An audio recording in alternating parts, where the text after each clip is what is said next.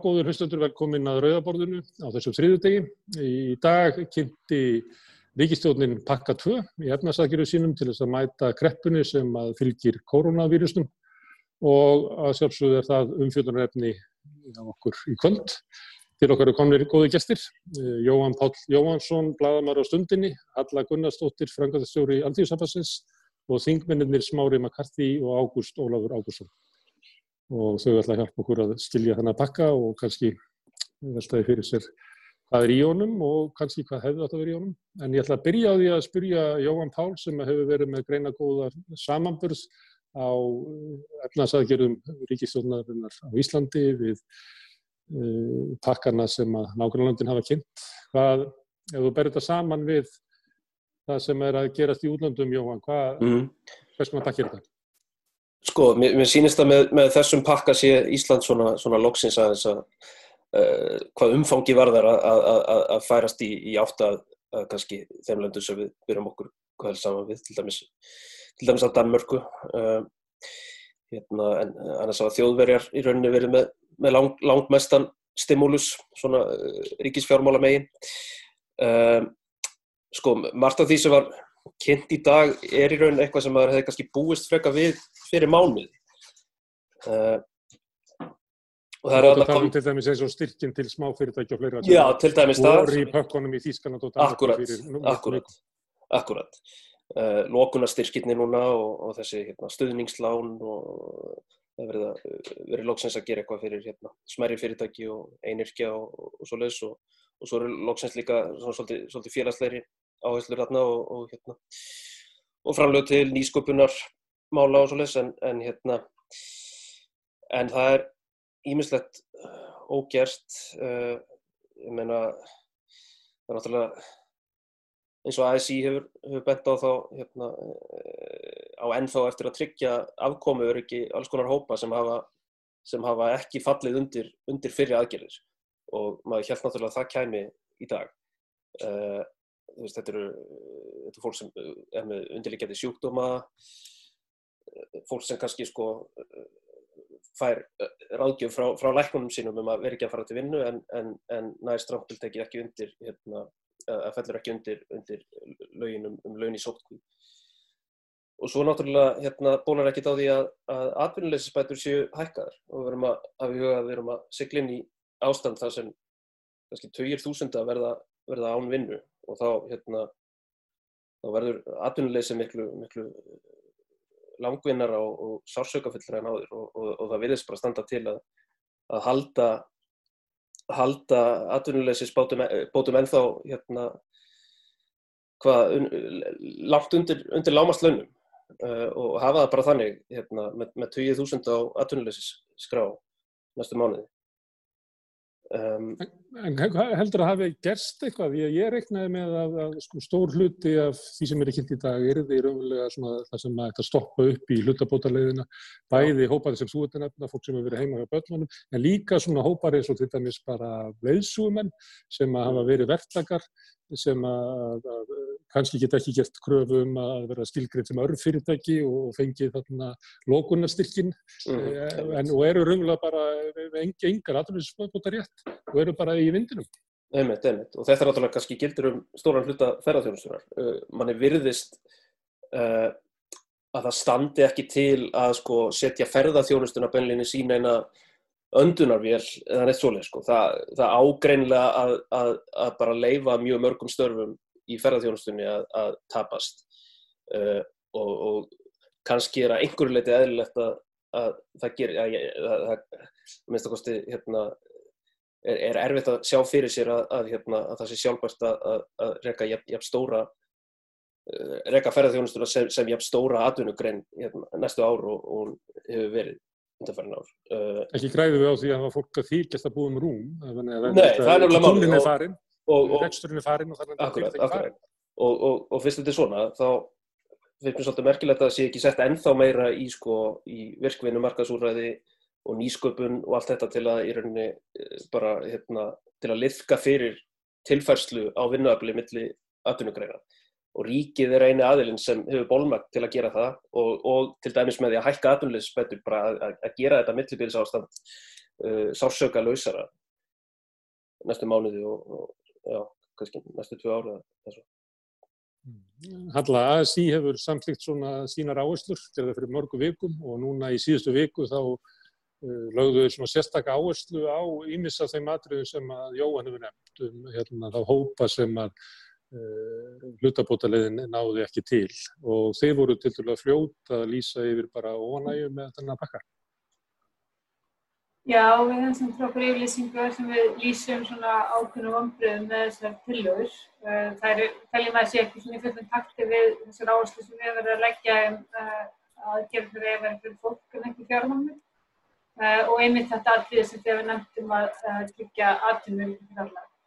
En ef ég byrja á aðeins jákvæður nótum, sko, þá er mann horfið svona á tíðastu 10-20 ár, það var eitt sem að ég merki sem er mjög ákvæmt sem þetta Ég held að við séum horfins nútur þessari gamandags hugsun að atvinnusköpun félist þær í stein.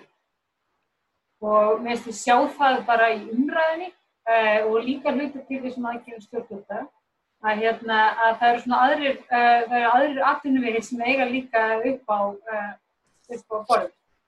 Og þetta var náttúrulega stór máli hérna, eftir flugum, það sem að tendensin er almennt hjá ríkir sem fari gegnum svona snögg, snöggar og, og harkalega kreppur að þá sjáum við aðrunuleysi kalla hjúka upp og ríki breðast með hrætti því og eftir að koma að kalla út af vinnumarkaðin og þá ferður það að byggja og smíða og byggja spítala og leggja vegi.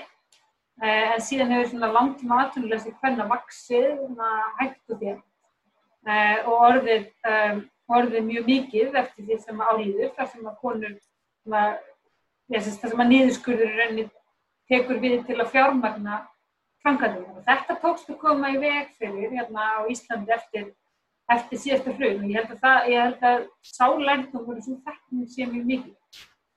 Og það er kannski að jákvæða sem maður sér í þessum aðgjörðu stjórnvölda núna, það er einhver leiti verið að nýtast við þekkingu úr, uh, úr hruninu með því að beina aðgjörðu líka inn í nýskupun og uh, eitthvað aðeins í listir og menningu og hérna Eh, en er þetta, Halla, er þetta ekki sára lítið? Það var 300 miljónir í nýsköpunarsjóðu námsmanna, það var hérna, 200 miljónir í listamannalögin, þetta eru sára litlar uppaðir á móti 50.000 manns á atvinniskráum. Eh, Jú, það var, já, það var þangað sem ég var svona að fara að færa mig, sko, að, hérna, að, og ég tek undir það með Jóhannu Páli, sko, að þessar vinnumarkas aðgjörði sem þarna eru settar fram, það er náttúrulega að fara hvernig nálega til að takast á við stærðargráðuna sem við stöndum fram við fyrir.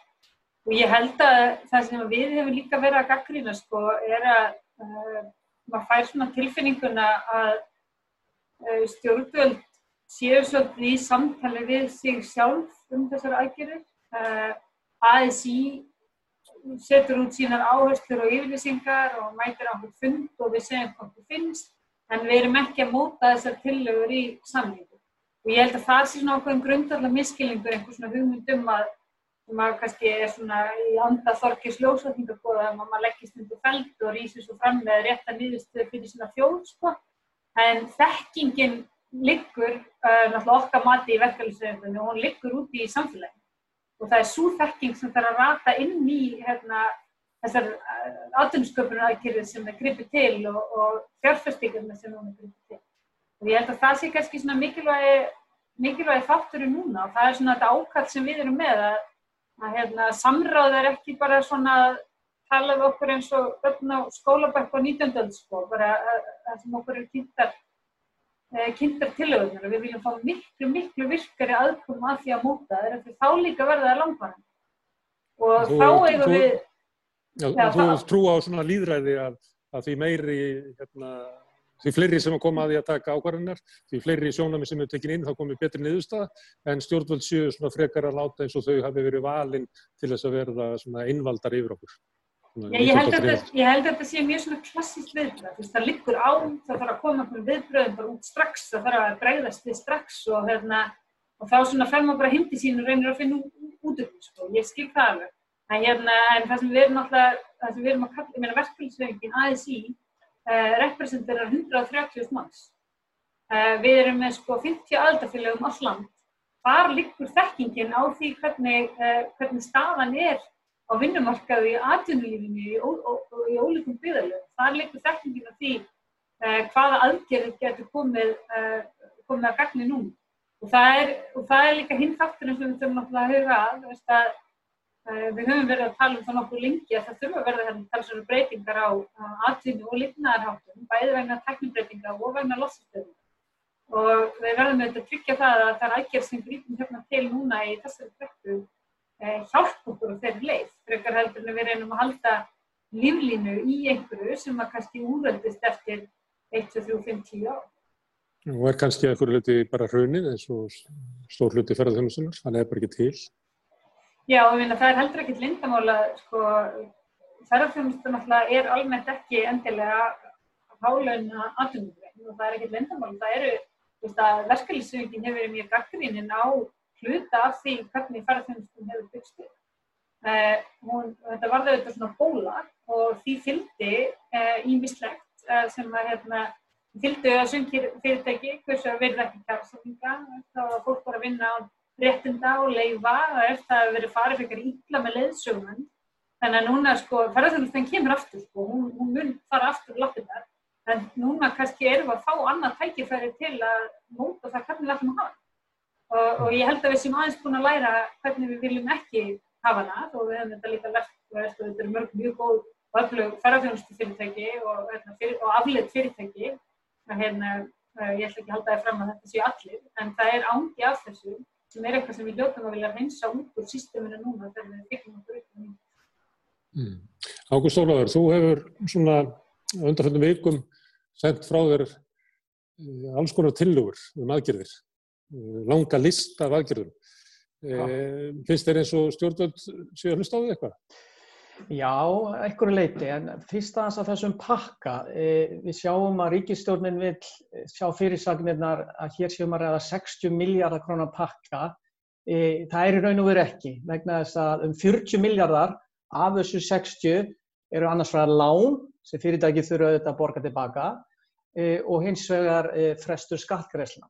Þannig að eftirstendur hinn raunverulega innspýting í þessum pakka eru 20 miljardar. Og við skulum að hafa í huga að við erum að ganga núna inn í dýfstu kreppu í 100 ár. Þannig að mér finnst þessi pakki vera mikil vonbreiði og ég vil hleypt á nokkurum andruðum. Ég fór yfir e, 36 blaðsina glæru pakka ríkistjórðarmennar. Vitið hvað er, hversu oft er minnst á heimilinn í þeim klærupakka. Það er aldrei. Það er ekki minnst einu orði á heimili þegar kemur að, uh, að þessum aðgerðum uh, þessar ríkistofnar. Þetta segir allt sem segja það. Í öðru lagi, þá er ekki verið að búa til ný störf. Fyrir utan sumastörfin, jú, þau eru mikilvæg, gott og vel. En ákveður eru við ekki að fjölga hér til þessu ofuböru störf? Ákveður eru við ekki að fjölga hér kennurum og hjúgrunafræðingum og sálfræðingum og vísindafólki og, og, og sjúkraþjálfurum og sálfræðingum. Ríkið getur gert það. Við getum fjölgað ofuböru starfsmenn. Bæði, það, það skapar störf, en það líka bætir þjónustuna gaggort okkur sjálfur.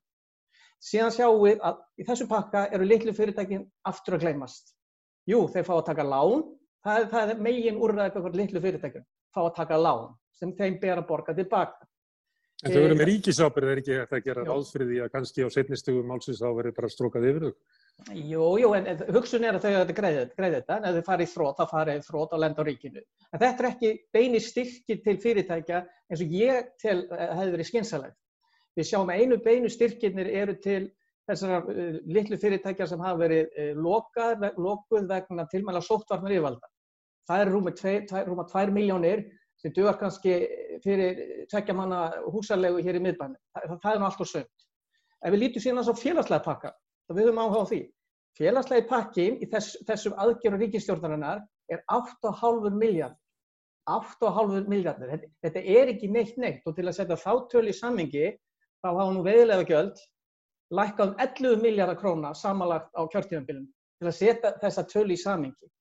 E, það er ekkert að bæta í fjárfestingarnar hjá ríkinu, þetta takk eftir því.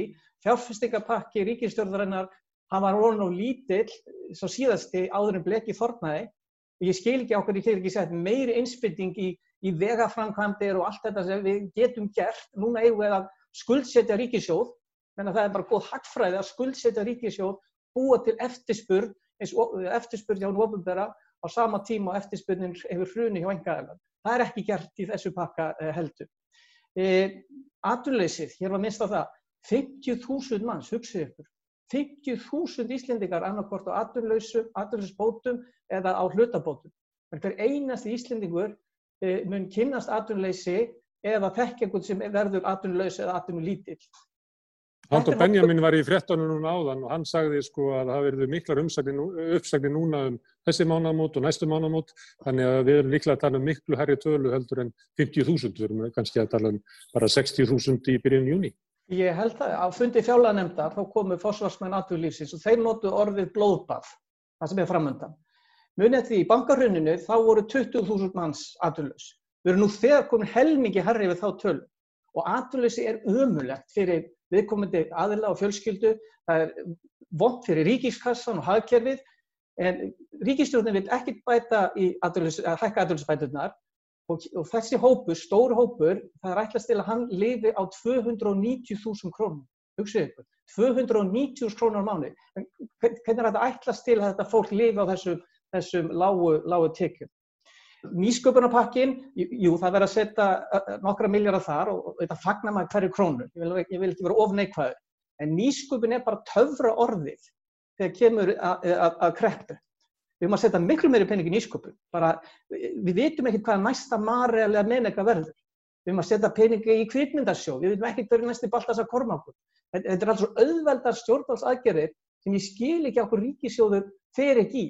Ég, ég varpa nú hugmynd hérna um að tífalda fjölda listamanna og listamannalögnum. Það er gríðarlega jákvæðið bröð meðal annars frá sumum í þessu pallborði. Eh, hér er verið að bæta aðeins í. Ég fagna því að sjálfsög. Ég er bara svona veltið fyrir mig hvaðan fengur þeir þessa hugmynd. En gott og vel, þeir hlusta kannski á eitthvað sem við segjum í stjórnarastunni. Þetta er til að njá þeim er svona 1.2050 af því sem þú leðið til? Nákvæmlega, en er þetta allt of lítið. Þetta er um 100, sko, núna er um 300 listamenn að listamannalögnum. Þeir bæta við svona um það byrju 100 í halvt ár Ég vildi láta þetta ná til 3500, þannig að það er fjöldi listamanna sem eru sjálfstafstarfandi í menningu. Það er miklu skinsanleira að setja, uh, uh, leifa fólki, listafólki, að vera á listamannalaunum, þar sem fólk er að vinna, skapa, búa til tekjur, búa til umsvið, heldur að þetta fólk fari á aturleysbætur. Því það gerir það annars. Það geftir 1% stegi auknu aturleysi kostar um 6,5 miljard krónar. Sem er jafn há tala og mín tilaga um að tífald að fjölda listamanna listamannalaunum myndi, myndi kosta. Mm. Þannig að e, þetta er bara of lítið. Sko, ég áttast á því að sko, í svona fordæmulegs ástandi þá þurfum við bara einfallega að hugsa stórt og hugsa rótrækt. Og 20 miljardar er bara ekki neitt neitt. Munum það, munum það að ríkissjóður veldir yfir 1000 miljardum. Þannig að aftur munum við heyra þennan söng hjá ríkistjórnirni, það kemur meira setna, kemur meira setna. Núna er tíminn að skapa ofurbar eftirspurn og núna er tíminn til, til að búa til uh, fleiri störf, núna er tíminn til að setja í nýsköpun, kviknöðsjó, rannsóknarsjó, allt þetta sem við eigum að gera, sem býr síðan til fjármagn fyrir, fyrir samfélagi framtíðin. Smárið, hérna komið fram svona of lítið of seint sem er svona klassist og kannski vittlusum leiðum líka. Ég held að þegar allt þau gjaldir í sjóður var eitthvað að tjásum þetta núna í kjæraða fyrir dag, þá sögðu sko mikilvægast að er að tryggja líf, það er að tryggja samfélagin ráði við það að glýma raunverulega við farsóttina, að fólk sé ekki að deyja, að, að það vantir peningaukstöðar og svo livelihood, að byrta lífs, af, tryggja lífsafkomum fólks og svo er það efnahagurinn. Einhvern leiti finnst manni sko áherslu ríkistunna verið alveg öður.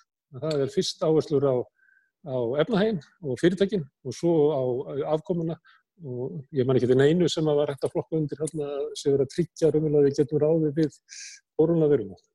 Já, sko kannski fyrst aðtriðið er, það eru nokkrar fínar hugmyndir í þessum pakka. Það sem er merkilegt við þar er að langt flestar þeirra hugmynda var hafnað af ríkistjórnini þegar minnirhlutin laðið til fyrir ekki mjög lengur síðan. Uh, nú er búið að endurvinna þær og kannski rýbranda þær þannig að ríkisjórnum fáið svolítið eiga þær en, en bestu hugmyndanir í þessum pakka eru frá okkur.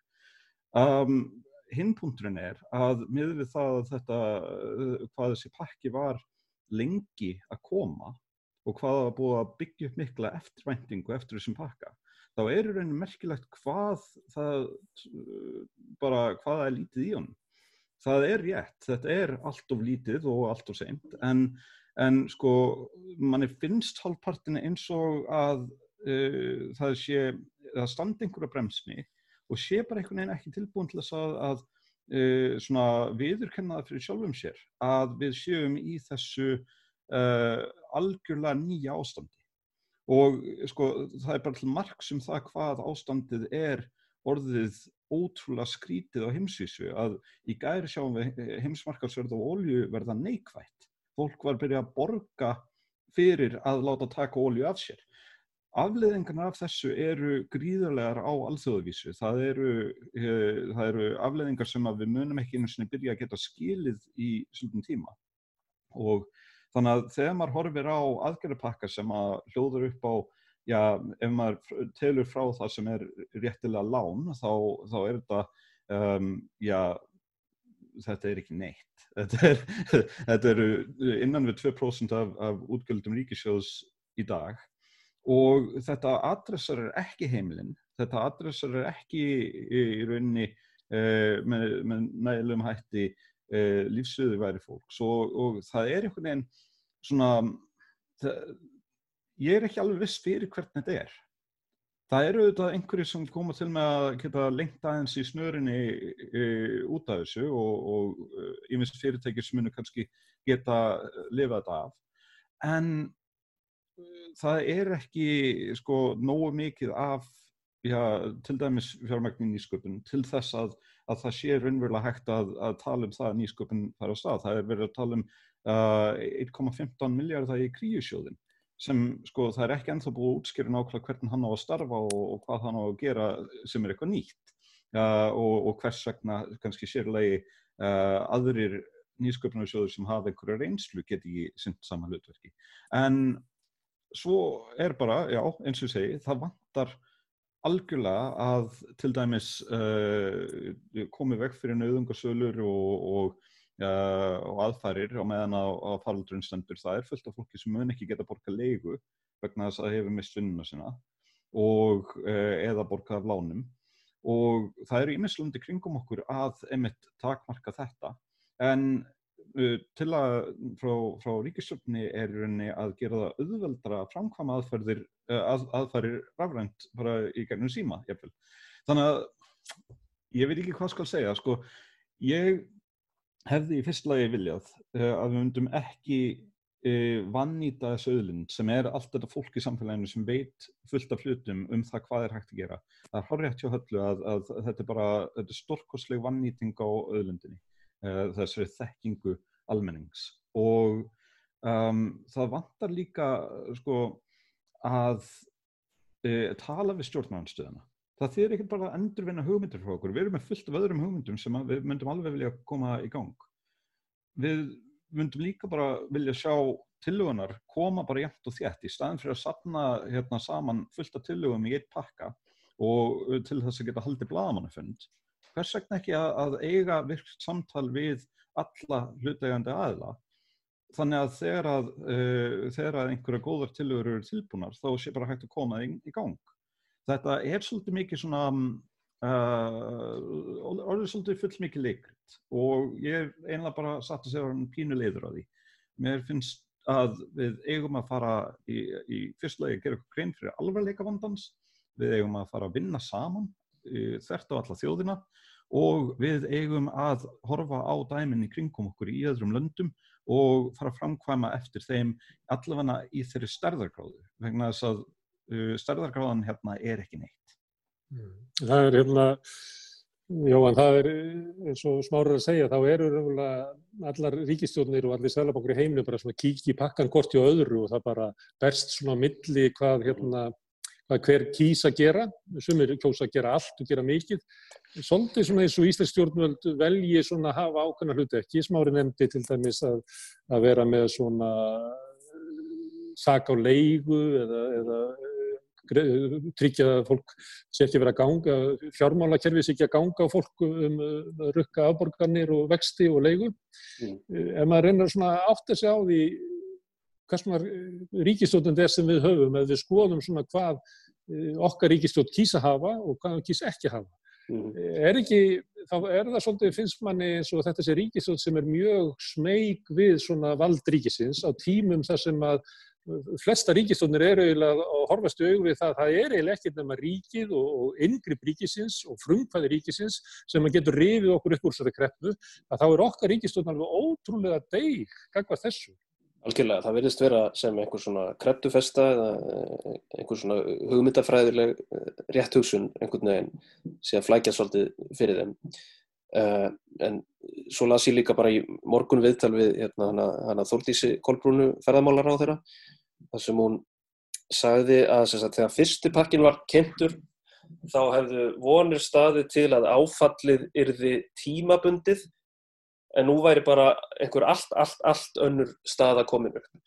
En sko, þegar fyrri pakki var kynntur, það er 20. mars síðastliðin, þá sko var búið að segja hverja fréttina að fætur annari, hver efnahagsgreiningin á fætur annari, það þurfti ekki annað en að opna erlenda miðla og, og skoða hérna, aðgerðapakka uh, nágrannlandana, hérna, veist, þetta lág algjörlega ljóst fyrir og óviðuskíin höfður hrannastu. Sko, þannig að ef þau heldu það í alvörunni að, að einhvern veginn Ísland myndi, sko, myndi sleppa bara, en sko hvað fekk þau til að halda það? Af því Ísland er til dæmis reyðið sem miklu meira á ferðarþjónustu heldur en, heldur en löndin í kringum okkur, tvöfalt eða þrefalt meira. Þannig að þetta, ég, ég bara skil ekki, það, það virðist vera að einhver alveg svakaleg óskhyggja hafi einhvern veginn leiða baki fyrirpakkanum. Og ok, núna komaðu með setnipakkan og, og hérna, og, og, og svona ef, ef, ef, ef þið skoða, skoða samtals áhrifin að þessum tveim pökkum þá er þetta, er þetta að verða talsvert, talsvert skára en, en sko mað, það er eiginlega ómögulegt að meta kostnaðin af því eh, hvað, hvað hlutirnir hafa verið gerðir hægt og, og hvað, hvað, hvað hérna, skrefin sem, sem, sem voru stíin fyrst hafa verið lítil. Ég menna uh, það hefur verið ráðist í óþarfa uppsagnir vegna þessa hálfkáks og, og vegna þessara. Veist, störf hafa tapast á óþörfu, störf sem hefðu hef átt að hérna, veist, fyrirtæki fara, hafa öruglega farið á hausin án þess að hérna, sem hefðu mátt bjarga bara með, með, hérna, með því að stýra væntingum og, og, og með því að gefa út, gef út yfirlýsingar um að að því, að því það skiptir máli líka hvernig, hvernig sko ríkistjórnir tala. Þess vegna eru, eru setta fram yfirlýsingar um að, um að, hérna, um, um að veri gert allt til þess að, til þess hérna, til þess bjarga etnaðslífun og, og svo framvegis vegna þess að, vegna þess hérna, markaðsæðilar stýrast að miklu leiti af, af svona lögum. Uh, Það er mjög aðeins að því að þú ert að tala um fyrirpakkana, þá var bóðaður með svona þryggjaveikna fyrirvara. Já, já, og talað um að það þurfti að gera mikið snemma, það var aðalatrið, Bjarni Ben steg fram og sagði þetta. En á þessum þremu vikum þá gerði það til dæmis að eins miljardar pakki bandaríkjana var að tveimur miljardum, þannig að maður sá eiginlega hverja ríkistofna fættur öðru horfast í augu við að vandaværi verið miklu, miklu starra. Þegar mm. -hmm. fyrst pakki eitt kom á Íslandi, þá var hann eiginlega akkurat einn stór og maður hefði gert ráð fyrir sko þremu vikum áður. Þannig að maður fór að velta fyrir sér hvort að sko bara kerfið sem er í því að meta ástandið, sem að tengis kannski því sem Halla var að segja, að það sé bara ofháir að þessu, að kerfið sem að er hér innanlands við að meta stöðuna og koma með aðfyrirnar, að það sé bara einfalda ekki nú stert. Og, og, og þá komum við kannski að því sem Ágúst Ólafi var að tala um, að, að kannski þarf bara ríkið einmitt að, að gera, gera stærri, stærri vinnuveitandi til, til framtíðar. Sko. Hérna, ef, ef stjórnsýslan kannski ræður bara valla við að, að hanna sæmilega aðgerapakka á, á skomum tíma og hafa samráð við, við aðila sem, sem er eðlilegt að hafa samráð við eins og ASI sem, sem greinlega, skort upp og eins og, eins og Halla fór yfir. Um, svo bara meira að segja tveimur vikum eftir að fyrirpakkin var, var hérna kynntur þá, þá er, er Bjarni Benediktsson spurður um þetta á þinginu og hann segir að ríkistjórnir sé ekki farin að ræða fleiri aðgerðir en þær sem þegar hafa verið kynntar. Og, og, og þetta er þegar það er margbúð að benda á hvað, hvað íslenski pakkin er ótrúlega lítilfjölugur með að við pakkana í kringum okkur. Uh, þegar ASI er margbúð að benda á hérna, alla hópana sem, sem falla með skips og bryggju. Þannig að þetta er, það hefur verið alveg stór, stórfjörulegt að, virkjast með þessu, eiginlega, bara ansett, dapurlegt í einhvern veginn bjóst við meira af því að það gerist ofta einmitt í svona, svona krísu ástandi að, að ríkistjórnir svona kasta svolítið frá sér kreddufestunni og, og, hérna, og, og þá fæðast svolítið Það eru bara alla ríkistjónir allstæri húnum að gera það. Það eru bara alla ríkistjónir að taka bara einhverja sko 180 gráðu beigju sko já, já, já, í, í hugmyndusum. En Halla, Halla e, ríkisjóður eru aldrei staðið betur, eins og sagtur. Ríkisjóður Íslandi skuldalítið og þar leðandi á hann hafa allt til þess að vera með starri pakka heldur en allir aðris, eða flestir kannski Þískanand og svona sem getur haft eitthvað viðlíkastótt. Ferðarþjónustan er svo atvinnugrein á heimsvísu sem að verður fyrir þínsta högginu og hún er mikilvægari, hún er starri hlut á Íslandi heldur annars þar. Og það myndi líka því að, það, að íslenski pakkin ætti að vera, vera sko tvöfalt starri heldur en pakkin í næstu löndum. Hvað heldur að valdi því að, að, að Íslandikar eru svona frekar á því að fara mjög varfærnislega á eftir hinnum í staðin fyrir að miða við þessa tvær fullriðikar að við höfum aflið til þess Við höfum sjálfstæða mynd, við getum gert það, við höfum til dæmis Ítali og Spánveri og eitthvað fleri og svo eru það ljóst að við erum að lenda í meira áfallu út af ferðarþjónustu sem verður svo aðtunumgrein sem að mun falla lengst niður og liggja flötust lengst. Hvað, akkur eru við svona treg eitthvað með? Ég kynni nú að svara því, sko, þá kynni ég mörg svör. Uh, ég spyrði nú að því að þú nýkomin og fórstuðsáðandur fyrir þess. Já, já, sko, ég, hérna, ég held að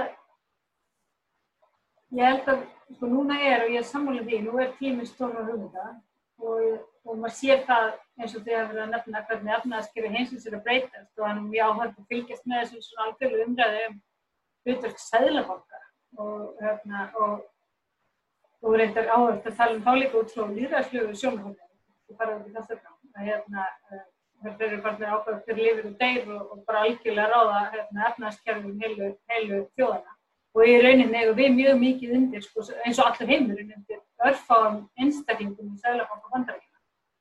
Hérna, e, þannig að ég held að, ég held að þetta svona, þessi alþjóðlega breyting, e, þú veist, auðvitað fristandi að segja, þú veist, kannski er þessi ríkistjórn ekki ríkistjórn stóra breytingar, kannski er hún ekki ríkistjórn stóra hugmynda, kannski er hún svona meira incremental changes ríkistjórn eða ég má, hérna, má sletta.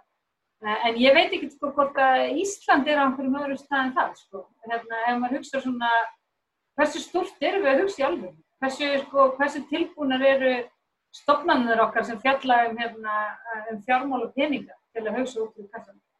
Eh, við erum hérna verkefliðsauðundunni að fyrta til þess að okkar fólk úr kassan og, hérna, hugsa á einhvern annan hátt en við erum völd að gera. Og ég held að við líka, sko, það er, það er kostur að hafa farið í gegnum hrunnið og hafa það svona með sér En það er líka ákveðin galli að því að þar, það voru ákveðin hluti sem tókust stjórna eins og til dæmis að koma vel fyrir langt um aðtöðu. Og þá eru þetta fristni, fristni núna er að hérna, uh, fara í aðgerðu til að ná þeim sama áráði. Uh, þegar að verkefnið er samt að stokka upp og gera alveg þegar þar, þar klikkuð við síðast að, hérna, í hrunum við síðast. Að þessar svona kerfisbreytingar eru ekki langunar og þá er ég ekki bara til Íslandi bara um heimsvísu við sáum að sko ójöfnur hefur bara algjörlega haldið áfram að vaksa bara eins og hún er sínist uh, og þessi Oxfam skísla sem kemur alltaf í kringum hérna World Economic Forum sem alltaf bara, þetta er alveg bara svona eins og þú veist, uh, líkur eru á gulri viðverðnum helgina veist, henni ríkustu hafa sjálfsögandi sem meir og meira auð frá því að við aðtöðum það síðast og við erum bara eins og við séum bara hún algjör ónægt fyrir þessu Og ég hef svolítið áhuga þessar umræðu, ég hef svolítið áhuga umræðinni alþjóðlega um sko, hvernig, hvernig allir að leiða fjármálakjörnum að fráast. Sko. Erum við komin að einhverju svona gullstand af Bretton Woods mómenti þar sem við, sko, erum við að fara að breyta ykkur eða allir að hafa þetta svona áfram. Og ég veit í alþjóðlega verkefni sem við mikið tala núna um, núna þarf að reyngjera skatta á fjármálsflutninga eh, og, hérna, og, og gera einhverju alveg úr því. Eh, en ég held að þessi samt svona frekar svona jáðrað þetta jæðrað viðfamsum. Þegar fjármálikjöru heimsins hefur alveg útrúlega vel tekist að, að hérna, bara enga væða gróðan en, en skella allir áhættinu á almenning og hérna, almenningi bara ríkjum heimsins. Og það er, ef, það, ef, mér finnst þetta að vera stóra viðfamsum. Já, ef við erum kannski ekkert svo góðið í að vera, hugsa, vera um stóra hugmyndir í umræðinni og við erum kannski með ríkistótt sem var kannski myndu frekar um óbreytt ástand heldur en einhverjar stórvægilega breytingar og þeir sem eru að vinna þessar tillugur eru ráðherrarnir og svo eru, eru með á bakvið sig svona nefnd af ráðunöndistjórum sem er kannski ólíklegasta fólk á Íslandi til þess að vera með stóra raumindir sem eru frekar að verja kerfið. E, verða, já til dæmis eins og alltíðsambandið, ef að þið telliðu ykkur geta hrist upp í umræðinni, verðið ekki bara tróð ykkur einhvern veginn að borðinu með ykkur offorsið, þið get ekki bara verið að senda frá ykkur ykkur yfirlýsingar í faxi til þessar ráðunöndistjóra nefndar? Já, við náttúrulega erum ekki því, sko, við erum að prófa okkur af, hérna, og yfirlýsingar eru þetta liður í því að prófa okkur af. Við erum núna í mjög mikil hugmyndavinnu og svona stafnumótunarvinnu. Uh, við erum að fá til okkar erlenda sérfræðinga í gegnum svona webinar til að tala við okkur. Uh, Jánis var úr Fakis ætlar að heimsækja okkur á fymtudaginn og, hérna, og tala við okkur um, um alþjóðlega efnarskerfi. Við erum að leita til sérfræðinga innan hérna, ITC og alþjóðlu verkefælisvefingarinnar. Eh, við erum að leita til fólksins sem hefur uh, þróað grænu samfélagsáttmálana og þá meina ég ekki bara svona þessar popular hugmynd sem hefur kannski verið síðasta árið að tvö heldur sem var svona löðu grunnina henni fyrir 10-20 árum síðan. Uh, reyna að fá út hvað er þetta fólk að hugsa núna. Uh, ég er sjálf verið að leita í, þú veist, nýmstæðar sem svona rótæku hartfræðingum, þú veist, kynna mér kynna mér svona alltaf þessi gerðaðislega viðmið sem að gilda um, um fjármál ríkja eins og þetta sem maður sáttmálanum, þegar maður sér vandræðin sem Evrópussambandi er í núna þegar Þískaland og Holland einhvern veginn vilja fara eftir svona þíska mentalitetinu og engin með skuldan eitt sko og hérna hann er maður að reyna að sækja svona stóra hljóðu. Um, nú þegar ég náttúrulega, ég hef búin að vera þetta hérna í uh, ekki einu sinni viku á skrifstofu ASI inn, innan við vikunni mm. ég hef ekki haft tækifæri til að ræða við alla formen aðaldarfélagana frá náttúrulega land eða tengjast öllum hérna landsamböndunum nægilega sterkum böndum. Það getur vel verið að sé einhverju alltaf aðrar hugmyndi þar. Uh, en ég er forvitin að sjá þegar það kemur eitthvað út á þessu stafnumótunum við nokkar og vonandi setjum við eitthvað fram og þetta er fleira að setja fram stóra hugmyndi. Ég er forvitin að sjá hvernig, hvernig það þróast og hvernig við náum að vinna, veist, vinna þessar hugmyndir áfram. Því að ég trúi því rosalega styrkt að núna sé, uh, núna gætu við verið á stað þar sem að stóra breytingar uh, gætu alls í stað. Ég held að séu mýrstök sko, það er rosalega auðvelt að sitja og hvernig það verður bara, já, ríkistjórnina var að gera þetta og rétt þegar það er að senda yfirlýsingar um allt sem hún gerir og gerir ekki, sko. Uh, ég held að, hérna, ég held að maður er að taka eins flokknari leið í þessu, sko. Og einmitt, reyna að fróa, reyna að fróa þessar stóru hugmyndur og fælingar og og, og reyna að raungera það. En þá þurfum við líka að fá fólk með okkur. Ég meina eitt af stóru vandamálunum til dæmis sem að uh, félagar okkar í verkefælisauðingunni mjög víða á að staða fram með fyrir eftir að við tölum fyrir styrtingu vinnuvíkunar. þá erum við kannski að tala inn í hóp verkefólks sem vil bara vinna. Uh, þannig að hvernig, hvernig ætlum við að kommunikera veist, uh, þessum hugmyndum sem eru kannski góðar en ef almenningur er ekki alltaf með á þeim, þá náttúrulega eru það ekki góðar. Ákveð Stórvar, við lefum tíma þar sem að stóra hugmynda, þú voru því að núna skiptir máli að, að hugsa stórt? Já, við, við erum að hugsa bara og Roosevelt fyrir hundra ára þegar hann var að kljást við kreppuna. Við þurfum að hugsa miklu starra og nota þetta ofið bara af sem ríkisvaldið hefur. Ríkið getur tekið högg á sig og á að taka högg á sig núna við höfum að eh, fara miklu meira í ofnbæra fjár, fjárfestinga sem gatum á það. Galopna skólan okkar, kakar daturlausum og atvinnulillum og líta á námsum vinnu, markasaðger og þess að hugmyndir eru margar á borðinu. Suma þeirra fórum við í síðasta hrunni og ég held að það sé mikilvægt að læra svolítið síðasta hrunni. E, ég held að það sé mjög mikilvægt í þessum aðgerðum sem framöndan er að, að fullgagsægi sé á öllum aðgerðum. Núna stöndum við fram með fyrir gríðalegri tilfæslu fjármuna og við veitum hvernig í síðasta hrunni var. Það er alltaf ákveðin aðvilar og öll sem græða á hrunni eins, eins eh, sérkjönd það hljóma. Við þurfum að koma í veg fyrir það að hér dúkja upp einhvers konar gammar sem á að nýta sér uh, þetta, þessu óvissu, þetta upplæstra ástand, sér til hagspóta. Þess vegna mynd ég vilja leggja til að hér er þetta bara sagt allar þessar aðgerðir sem stjórnveldar að ráðast í verða rannsakaðar af rannsóknu nefnd Þannig að menn viti bara fyrirfram að þetta þarf að þóla dagsins ljós. Því hér skiptir svo miklu máli, því hér erum við að færa mikla fjárminni til bankarnir og stjórnvöld munum í sumum tilvægum vera ákveða hvaða fyrirtæki munu lifa og hvaða fyrirtæki munu, munu, munu deyja. Þannig að ég held að skipti bara miklu máli að þetta séu á borðunum. Við sáum að í síðasta hrunni að, að í öllum háanum sem var þar, það enda með því að tæmlega 30 íslendingar voru dæmdir í fangelsi, óskil og spundi fangelsi, 30 íslenski bankamenn brutu lög með þeim hætti að þeir fangu óskil og spunna dóma í, í, í, í síðasta hrunni. Ég er ekkert að segja að neitt svona sé upp á teiningunum þá, en núna, en við þurfum bara að vanda okkur. Því við erum e, í mikill óvissu, því hér er verið að reyna að hugsa rætt og gera margt í einu, en sem skilir reynda líka ekki á okkur vikistjórnin opnar ekki aðeins samráði. Sko hún hunsar okkur í stjórnaranstöðinni, gott og vel, tegur svona eina, eina hugmynd frá okkur svo smári gatum. Ég veit að það er ekkit sérstaklega samband við verkefælisreifingunum og meira að segja atvinnreikundur tókuð eftir í frettum í gæðir að þingflokkar stjórnaflokkana höfðu ekki eins og ekki kynningu á þessu tillögum sem voru kynntar í dag fyrir í dag. Þannig ég, ég skil ekki þess að þetta ráþara ræði Bjarnar Ben og, og, og Katrínar um að þrengja hópin svo mikið að ekki eins og þeir eigin stjórnafingmenn koma að borðinu. Sko ég var með þá hugmynd fyrir nokkru vikum og við ættum að opna allt ferli, það var með þess að rafræna þjóðfund kallaði ég það, um að að hér er þau kalla eftir tillug til að breðast þessu ástandi eh, frá einstaklingum og litlu fyrirtækjum. Því ég er ekki sko, nýri í pólitík, ég veit alveg hverju gleymast í svona. Það eru heimilinn og það eru litlu fyrirtækjum. Stóru fyrirtækjum, þau, þau ná að passa sig. Þau hafa samtök aðlýsins og viðskiptar á. Við þurfum að ná í litlaðalina, einirkjana. Sko lítil og meðastóru fyrirtæki eru hryggjar stykki í íslensku aðlýfi ábyrg fyrir um 70% Þetta eru hópurinn sem að ég fekk sko staðist mestu aðtiklina í dag í pakkanum. Það eru svona örf fyrirtæki og smá fyrirtæki.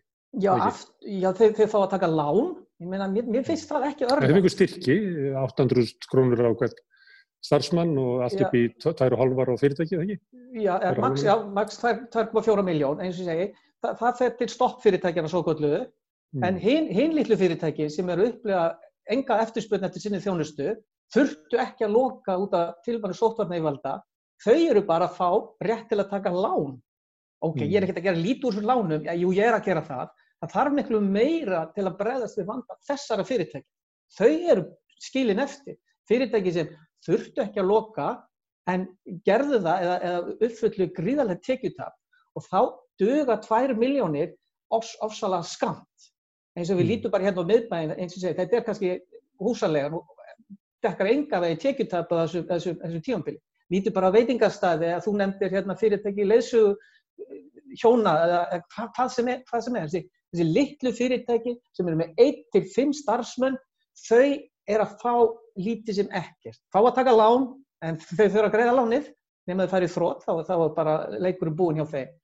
Sem oftur það... líka þau fyrirtæki sem að ná sér hvað fyrst eftir hrun. En Jóhann, þú varst að byggja um orðið. Það var að skjóta inn. Já, ég ætlaði bara rétt að skjóta inn að því hérna, Ágúst Ólafur nefnir þetta með, með, með svindl og, og, og svo leiðis að hérna, í Svíþjóð til dæmis uh, eru um það byrjus hundra starfsmenn held ég hjá skattinum sem vinna bara sérstaklega við það að fylgjast með framkvæmt hlutabóta leiðarinnar og það er náttúrulega þegar það verið að færa svona mikla, mikla fjármunni úr ríkisjóði til fyrirtækja er, er rosalega hætta á, á svindli og misnótkun og þess vegna komða mér svolítið óvart ég hafði einhvern veginn búist við því að, að, að hérna, stöðugildum er til dæmis kannski fjölgað hjá, hjá skattinum í dag eða, en, en, en, en það verðist ekkert, ekkert svoleiðs verið á leiðinni. Annað líka hérna, sem er það að, að sko, megnið af þessari ríkisastóð í, í, í þessum pökkum uh, það er í rauninni verið að, verið að veita megnaðafinni án þess að það séu sett sko skilirði til dæmis um að, um að fyrirtæki standi ekki í félagslegum undirbóðum eða genið peninga í skattaskjólum eða, eða, eða hérna og, og það er ekki einu sem skilirði um að, um að fyrirtæki sko hérna sleppi því að fara í fjölda uppsagnir. Þannig að þetta er svona svolítið einhvern veginn verið að bara já, verið, verið að dæla einhvern veginn ríkisfíða í fyrirtæki án ábyrðar Uh, meina, og, og svo er líka bara þetta að hugsa svolítið út, út fyrir raman meina, e, eins og við talaðum um áðan þá náttúrulega er, er, er núna koma í ljós hvað sko atvinnulífið og engageirin reyðir sér svakalega á hefðu ofinbera og það gerist alltaf í krefnum uh, og, og ef við ætlum að gera þetta ef, ef, við, ætlum að, ef við ætlum að halda, halda fyrirtækjum á lífi í gegnum þetta. Af hverju þá ekki að, að setja sko skilir þið bara um, um hérna, samfélagslega ábyrð, til dæmis bara um að, um að fyrirtæki drægi úr launamun, uh, að fyrirtæki setji sér háleitt markmið um að, um að draga úr kólefnisfótspori, uh, já, eða, eða bara svona láma skilir þið um, um, um að vera ekki að geima peninga í skattaskjónu. Það, það eru svolítið skilir þið komin held ég í, hjá, hjá bæði dönum og, og pólverjum núna. Já, Halla, þið, aldrei hefur verið með þessar gröfur um, um allt af því sem að Jóhann var að nefna. Ekki kannski þetta síðasta en, en slatta þessu. Nei, þetta er akkurat það sem við verðum að kalla eftir, sko. Við lítum svo á að, þú veist, við, ég held að sé einhvers svona, þetta er svolítið áhugaður hugum, sko. Þegar, að, þegar við erum að tala um stöðningu einstaklega, til dæmis í gengum félagslega kerfið og þá erum við með rosalega svona stert eftirlit. Uh, með því að það sé nú ekki farin í vittlusu og skerðingar eða þú ert að fá eitthvað annar stað frá og sko sem samfélag þá kallum við fólk sem er kannski bara reyna að bjarga sig, við kallum það kerfisfræðingar uh, með svona fyrirletningu og hérna uh, sem er þá einhvers konar andstafi döglega fólki sko, sem er að vinna. Og þá lítum við álgjörlega fram hjá aðstæðan fólks og, og, og hvers vegna það hérna, þarf að sækja félagslega En síðan einhvern veginn þegar fyrirtæki, uh, stór og smá og kannski sérstaklega stór, uh, ringja í endurskoðendur og segja bara hvernig get ég grætt eitthvað á þessu. Algjörlega óháð þeirri stöðu sem við erum. Uh, Samtök aðtunleysins tólka lög og það er náttúrulega sagt sko, ekki með ásetningi, þetta er ásetningur á baki það þegar það er búin að vera einhver umræða um, um hvernig hlutabútalegin er að virka og tilkvæmsum er og sama leið og var hérna fyrir áratúr síðan. Það var þetta ásetningu sem við tókum með þeim hætti að það er bara nýtt um uppsynningu. Þá er þess að við lítum á það sem bara fyrirtæki bara hérna bergast. Við þetta reyna fyrir að nýta allt sviðrún sem er að við erum einhver svona hugmyndum að, að fyrirtæki meili sölsa undir sér bara allt sem við komast í. Og hérna, og uh, ég held að fyrsta lagi svona samfélagslega þurfum við að fara að pæla þessu, svona breyta þessu. Uh, en í millitíðinni þá verður við þetta regulera þetta að minnstakosti jægt stramt og við regulerum fjárframlega til einstaklinga og ofnbjörnum sjóðum uh, og helst stranga því þannig ertum alltaf með alveg kapasitet uh, til að seilast uh, til að seilast eins langt og það getur. Við erum komið með lögfræðinga og endurskoðendur og, hérna, og aðra sem við geta ringt í ringt í þessar í þessar reglum. Og svo tekið undir sko, við höfum verið að tala um að það er skilunarstuðning Ég meina upphæðilega náttúrulega var það var ekki skilurstu við fyrirtæki sem ekki veitur sem það var, það er skilur þetta, það er skilur að við hérna að fyrirtæki virði reglur og kjærasamlinga, stund ekki félagslega undirbóð eða mannsal eða eitthvað það með verra. En svo höfur hérna Drífa Snædal líka nefnt þetta með launamöndum. Sko. Er aðlilegt að við séum að veita ríkistuðningi til fyrirtæki að það sem að kannski þeir sem eru á toppnum eru með 20-30 40-100 laun þegar sem að sko vinna vinnuna. Er það eðl? Mm. Uh, maður er ekki þess að það sko. Og það er þá spurning hvernig römmum við þá umræðin. Smári, þú ert að byrja um orðið. Ég vona að þú sett ekki að fara að vera sammálaðið um öllum, en þetta gangi bara línuna og allir séu sammálaðið að þetta er að vera gröfunar. Já, nei, nei, ég meina, allt sem er búið að segja er rétt og kannski ef maður byrjir á, á hættunni á penningaþvætti og skattundunskotum og misnótkunni í þessu ástandi, þá, e, þá eru aðlar sem munu græða alveg stórkosla á þessu ástandi og það er alltaf þannig þegar, þegar eitthvað vildur því að smæri aðlar sem uh, byrja að eiga erfitt í stórum stíl og þá, þá mætar hæka mannir einlega um leið og þeir muni fá sitt nema að vera komið vekk fyrir það. Þannig að það er mjög eðlegt að við förum að hugsa uh, og ég er kannski mest hissa að, að Ríkistjórn Póland sem að nú uh, þykir borki neitt sérstaklega frjálslunni eða skynsum uh, er á undan Ríkistjórn Íslands til þess að, að loka fyrir nótkunn á, á Ríkisfjöð til þess að efla fyrirtæki sem eru með peninga í skattaskölum. Það kemur alveg óvart. En, en sem að myndi til dæmis stoppa þar að Samiri geti fengið nýta sér hlutabótarleiðin eða nokkur skapaðan hlut að þeir eru eiga fyrirtæki á kýpur. Já, algjörlega, en að, þá náttúrulega verður til nýtt vandamál sem, sem Ríkistjórn Íslands hefur uh, svona þráast við að, að reyna að svara og uh, sem er, það liggur einhvern veginn ekki fyrir nægilega góð skilgreining á því annars er hvað skattaskjól er í, í skilningi í íslenska lagan, ég heldur á hvaða hátt uh, verður aðtúað hvort að fyrirtæki séu með einhverju reiknir í gegnum uh, slík apparöð. Þannig að uh, það er ímislegt sem vandur upp á bara hreinlega gagsæðið og skilgrinningarnir þarna meginn.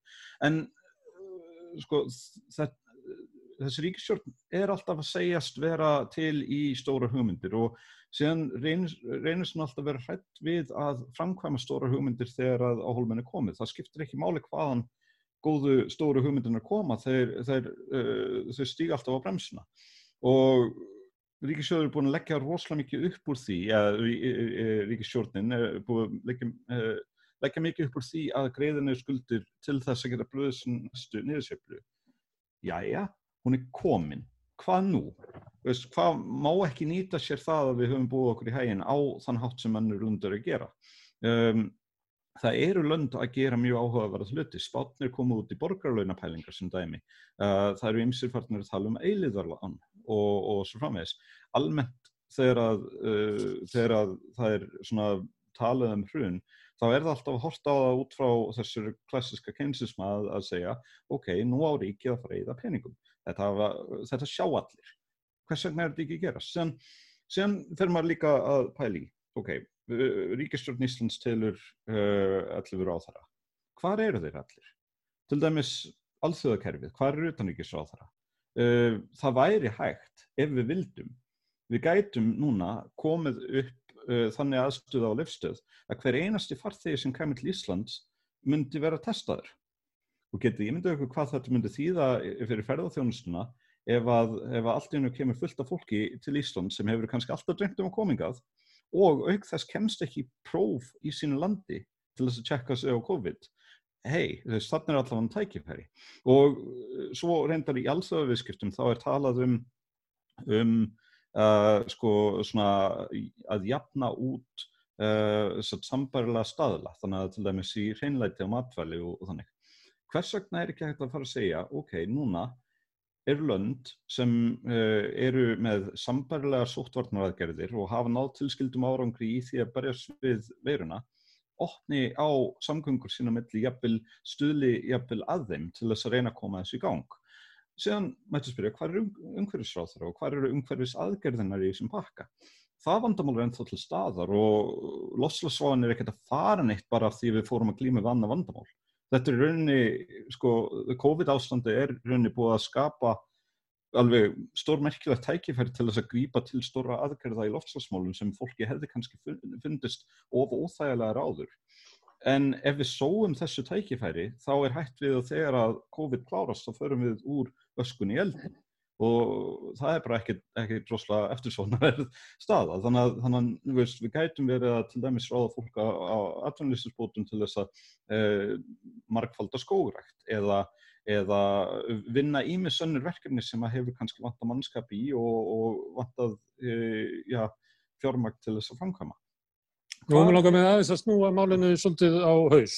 Já, okay. uh, og spyrja þig Ágúst Ólafur að því að þú gerir mikla gröfur um að ríkið auki útgjöld sín í, í kreppunni. Uh -huh. og mittist meðal annars á Rúsveld það er að hérna, eftir stríð að þá voru eh, svona jaðarskattar á hérna auðu í bandaríkjónum svona 60, 70, 80 upp í 90% Núna eru þeir svona rétt yfir 10%, hérna eru jaðarskattar á henn ríku 20%, þessum fjármæstekjurskatturinn. Ef að ríkið fyrir út í það að auka mjög útgjöld sín og safna skuldum og þá kemur það skuldatugum og fólk sem er alveg upp innan nýfrásvíkunar veit alveg hvað það þýðir. Það þýðir að, að til þess að stoppa upp í gatið þá verður hækkaður skattar á almenning, það verður skert orðbefur þjónusta, það verður aukin gjaldtaka innan ofnbjörða þjónustu eða ríkis eða almenningseigur verða seldar til þess að fylla upp í gatið. Þarf ekki að fylgja þessari kröfu um aukin útgjöld einhver svona lausn á því hver á að borga? Jú, og við hefum að vera fullkomlega hreinskili með það að við fjármögnum þetta með sköttu. Ég hef nú ítrekka lagt til og hér á þingi um að við hefum að sjálfsög hækka fjármástíkjuskatt. Ég sé enga ástæð að við höfum hér lagsta fjármástíkjuskatt af öllum Norrlöndunum. Við eigum að hafa hér tekjutengtan auðlega skatt Ég er marg búin að ídraga eh, gaggrinna mín varandi veðlegagjöldin sem hafa lækkað um helming, hugsaðu ykkur, veðlegagjöldin hafa lækkað um helming sem þessi ríkistó tók við. Þannig að tekjustofnarnir er svo sannlega fyrir hendi. Við sjáum vaksandi ójöfnuð í þessu samfélagi 5% á ríkust Íslendingunum á svipa mikið og heim 95%, hugsa ykkur, 5% á svipa mikið á, hreinum eignum og heim 95%.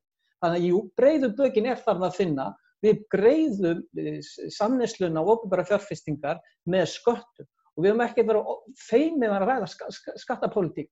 Við höfum líka að tala í, í, þessu sambandi við að ríkið þarf kannski að vera miklu virkari aðili á, á, á, í aðtunulífinu. Við hefum núna tvo banka, það stóð nú til að selja hérna að minnstakosti eitt þeirra og stóra hlut af hinnu. Núna held ég að sá draumi Bjarnabenn vonandi úti. Mér finnst alltaf læg að ríkið eigi banka. Það er alltaf að vera að tala um þessi áhætta fyrir ríkið að eiga banka. Ég minni þá á, það er nú heilmikil áhætta fyrir ríkið að enga væða banka líka. Það tók engarikið e, fjármálakerfi fjögur ár að keira hér allt í kaf síðast. E, við sjáum að Æslandi er, sem er enga fyrirtæki í kaupöld, ég hef svona veltið fyrir mér, fyrst Æslandi er svo nöðsulegt og mikilvægt fyrirtæki sem það er, má ekki alveg ræða það ákveður það ekki bara einfallega ríkisfélag. Við sjáum að ríkisflugfélag er að verða til og voru til hér árum áður. Ef fyrirtæki eru svo kerfislega mikilvæg Ákveður má það ekki þá, með að slík fyrirtæki ekki einfallega bara verið í eigu, eigu uh, ríkisins. Þannig að það er svolítið spennandi umræða eins og Halla var að tala um hérna uppæðið þáttarins um að líta hans til framtíðar. Við getum alveg tekið hreinstillega umræða hvers konar aðunlífi við viljum sjá og hver þáttakar ríkisins á að vera. Við sjáum hérna á tíjar og fresti við þessi ríkisvaldi með sköttu þurfa að beila út e, strákan í viðskiptaráði. Smári, hérna 200-300 miljardar halliði á ríkisjóði í ár og 100-150 næsta ári. Er þetta ná þessu með hækkunni fjármæstíkjuskass og auðlindagjalds? Það, það, það var einleið og, og ágætt hugmynd en, en sko það er annað sem er að ríkisjóður skuldar alveg ótrúlega lítið í alþjóðlegu samhengi. Ef, ef maður skoðar svona uh, heims eða uh, vestræn hægkerfi þá er það mjög sjálfgeft að ríkisjóðir skuldi jafn lítið er á uh, staðnir á Íslandi og íslenska, íslenska skuldir hafa og ríkiskuldir hafa nánast alltaf verið fjármagnar með, með mjög dýrum lánum. En undanfarna, undanfarn ár hefur verið alveg ótrúlega mikið aðgengi að ótrúlega ódýrum lánum. Og það, það er áður en maður fyrir að tala um auglösum hluti eins og að uh, vera með uh, lán on tap hjá ríkisjóði eins og, eins og uh, breska ríkið er með sem dæmi. Og... Þú ert ekki að leggja til að Íslandika fara og segja lán í útlandum, þú ert ekki að, bara, að segja bara lán í selabangan? Já, bara eins og, eins og mörgunur land gera og sko, mér finnst einhvern veginn þessi, þessi kretta að ríkið með ekki skulda pening, hún er afskapla, þetta er rönghugsun og uh, við þurfum auðvitað að passa að, að ríkiskulduna séu ekki of dýrar fyrir uh, segja, uh, að vextinni séu ekki of stór hluti af, af skattekjum. En ríkisjóður má skulda peninga og það er verðt að muna í þessu samhengi að alla ríkisskuldir eru í lókdags enga spartnaður. Þannig að mm. þetta er bara það að ríkið skuldi meiri pening er einu af leiðunum til þess að koma hækjurinn í gang aftur.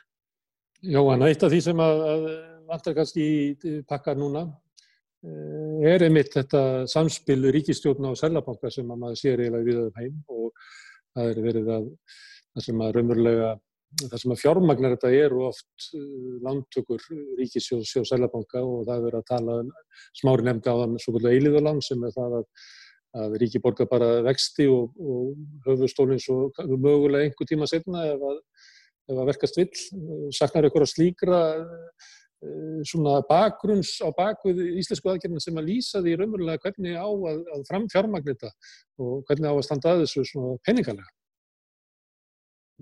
Sjáum til dæmis að breytar eru núna farnir að, að fjármagna sínar aðgerðir að hluta með, með sko bytni peningaprentum með því bara að, að Sælabankin uh, kaupir ríkisskuldabrjöf sem er eitthvað sem hefur verið algjört tabu undanfarnar áratví.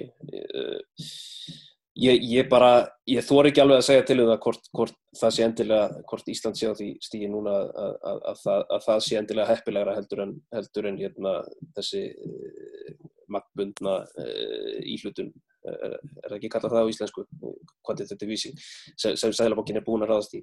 En að því við vorum að tala um hérna að það kæma skuldadögum og svo leiðis, þá einmitt tek ég bara eftir í, í, í hérna, greinargerð uh, fjáraugalega frumarsins spjarnar, þar, þar er sérstaklega tekið fram hérna, gæðsalappir opnast við laust bráðavandans má ekki missa sjónar á því að á komandi árum mun þurfa að brúa framkomið misvægi tekna og útgjaldaríkisjóðs og bæta skuldastöðuna jægt og þér. Þannig að meira segja núna með, meðan, meðan það er verið að fara í einan stimulus og, og, og, og lítur að liggja, lífið á að, að, að bara að bjarga haugkerfinu frá algjöru hruni þá, þá er einhvern veginn þá, þá er ríkistjónin eða, eða, fjármálurraðandi strax farið að hugsa til þess að, að, að, að svo þurfum við að fara í aðhalsaðgerir og ég held að þetta sé kannski svolítið slagurinn sem framundan er. Uh, uh, annars vegar verður það hérna, verða íhaldsmenninir í, í ríkisfjármálum og peningamálum sem munu, munu kalla eftir mjög harskalegu, harskalegu niðurskurði og, og aðhaldi og að hérna, að Ísland og, og þetta er náttúrulega eitthvað sem umræðar sem mun farast að örgla um allan heim bara og er þegar farinast að að, að, hérna, að það þurfi bara að, að hérna, minga, minga fjárlega hallan hratt og greið upp skuldir hratt. En, en eins og Smári segir hérna, vakstastig er lágt. Núna það er ekkert sem mælir á mótið í held ég að Ísland takir sér þó nokkur ári í að í að, í að í að hérna, ná niður fjárlaga ef, ef, ef það er það sem þarf til að, til að, til að halda, halda efnarslíðun á, á floti og, og tryggja lífsarkomu fólks. Þetta endaði hjá þér Halla síðustu spurninguna. Þetta er texti sem að Jóhann Lass úr, sem er ábíla eftir Bjarnar Benedísson. Hann týðir náttúrulega ekkert annað en það að, að, þegar það er búið að beila út fyrirtækinn hjálpa þeim í gegnum kreppuna þá verður reikningurinn sendur til þessara 120-130 félagsmann í alþjóðsambandinu með hærri sköttum, minni ofiðbyrju þjónustu, gjaldöku heilbíðiskerfinu eða sölu ofiðbyrju regna. Já, þetta er náttúrulega svona svolítið löðrann framstættingana, það er mísvægi milli, það er ekki alveg hvernig orðað var það, hérna, það var ekkert að setja þetta fram á því pátan og hún myndi skilja það, en já, þetta er náttúrulega svona ákveðin hóttum, sko, hérna, Eh, og ég held að sko, og það reyndar eitthvað skemmtilegt núna, finnst mér, hvernig var eins og þessi umröða hérna að gefa til, til kynna að við erum held ég að svona færast nær því að losna út af þessari hugmynd að sko ríkis, að skuldast að ríkisöðs til eitthvað, það að breðinu skuldast eitthvað markmið í sjálfhúst. Það að ríkisöðs skuldleis er ekkert markmið í sjálfhúst. Markmiðið er að halda hérna samfélagi gangandi og vera með grunnstóðunar í lægi og, og, hérna, og eiga hérna heilbreyðskerfi sem getur tekist á við heimsfaraldur og, og fæðingu batsinslegs og þar fram með göttan. Hérna, það er, er markmið. Og síðan þurfum við bara að vinna ríkisverðmálinn út frá þessu markmið. Og svo ertu þetta með pólitík sem vil byrja heinum endan. Sko. Og ég bara, ég veit ekki sko, ég myndi vilja fá bara eitthvað fröytísku greiningu á þessu ég skil þetta sko með þjóðverja, ég skil að þeir séu með eitthvað svona, hérna, svona hugmyndur um sko, skuldir og það með alls ekki skuldamind og alls ekki taka lán og, og ruggla algjörlega ríkisbókaldið saman við þessi degi heimilisbókald og halda þetta sé alltaf saman sko. En hvaðan kemur þessi hugmyndur í Íslandi? Bara, veist, og af hverju hefur nú bara fengið að ráða öllu bara mjög lengi.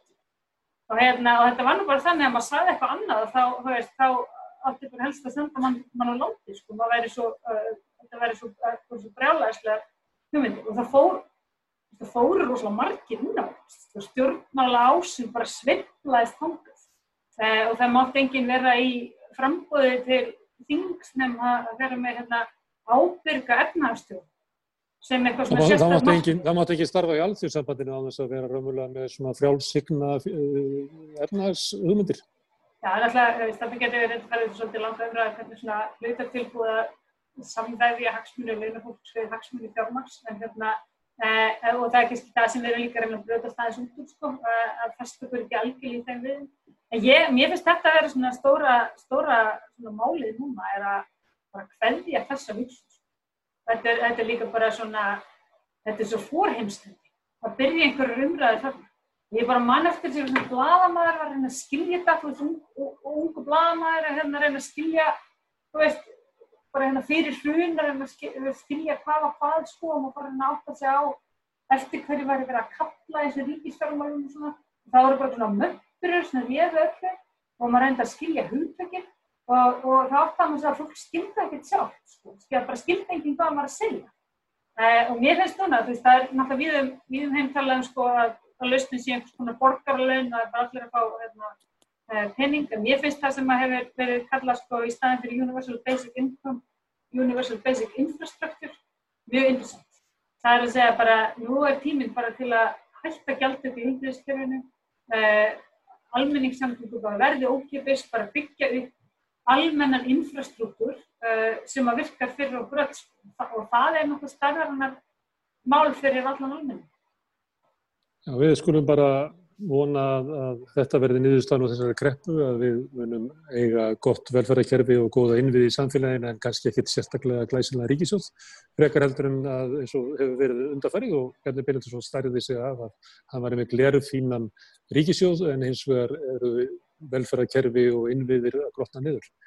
Erðu, hérna, þið eru fólk mikill að hugmynda og, og og komið stíla fyrir í svona litlum þætti en, en hann verður enda núna. Ég þakka ykkur kjallaði fyrir að spjalla við mig og leifa hlustundum að hlusta, Smári McCarthy og Ágúst Ólafur Ágússon Singmenn, alla Gunnarsdóttir Frankastjóri Alþjóðsabansins og Jóhann Páll Jóhansson Bladamöður. Kanski tökum við kvartningu höllu og fáum kannski sálfræðinga hérna næst til þess að ráða í það hvers vegna heilt samfélag getur svona markvitt stemt í ranga átt eins og Íslands samfélag hefur gert undan fyrir náður. En við þakkum fyrir í kvöld, við sjáumst aftur á morgun, þá verðum við aftur á réttum tíma klukkan 8. Þessi þáttur verður sendur út klukkan 9 eins og þið vonandi tókuð eftir. Takk fyrir það, í kvöld.